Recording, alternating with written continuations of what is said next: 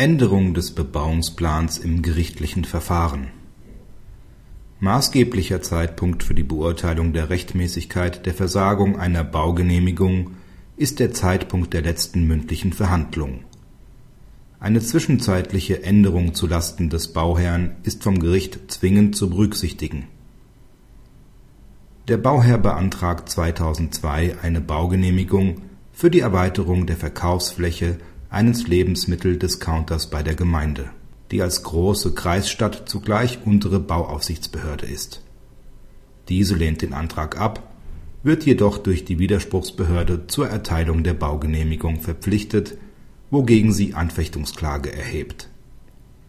Nach Klageabweisung durch das Verwaltungsgericht im Jahre 2005 und Berufung zum OVG beschließt die Stadt eine Änderung des Bebauungsplans, aus der sich die Unzulässigkeit des beantragten Vorhabens ergibt. Das OVG weist die Berufung ebenfalls ab, da die Versagung rechtswidrig gewesen sei. Entgegen der Ansicht der Vorinstanzen entscheidet das Bundesverwaltungsgericht, dass für die Beurteilung der Rechtmäßigkeit der Versagung auf den Zeitpunkt der letzten mündlichen Verhandlung und nicht auf den Zeitpunkt des Erlasses des Widerspruchsbescheids abzustellen ist Daher ist eine Änderung der bauplanungsrechtlichen Voraussetzungen während eines laufenden gerichtlichen Verfahrens durch das Gericht zu berücksichtigen.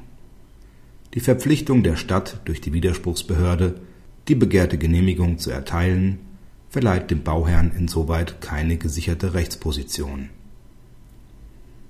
Praxishinweis Angesichts der teilweise erheblichen Verfahrensdauer im Verwaltungsprozess erhöht sich nach dieser Rechtsprechung für den gegen die Versagung klagenden Bauherrn das Risiko, trotz eines im Zeitpunkt der Antragstellung objektiv bestehenden Genehmigungsanspruchs das Klageverfahren letztlich trotzdem zu verlieren.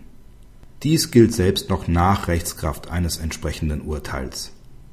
Bis zu dessen Vollstreckung kann die Gemeinde dem klagenden Bauherrn eine nachträglich eingetretene Rechtsänderung noch im Wege der Vollstreckungsgegenklage entgegenhalten. Auch der ausgeurteilte Anspruch auf Erteilung einer Baugenehmigung steht damit unter dem Vorbehalt, dass sich die Sach und Rechtslage nicht in rechtlich relevanter Weise ändert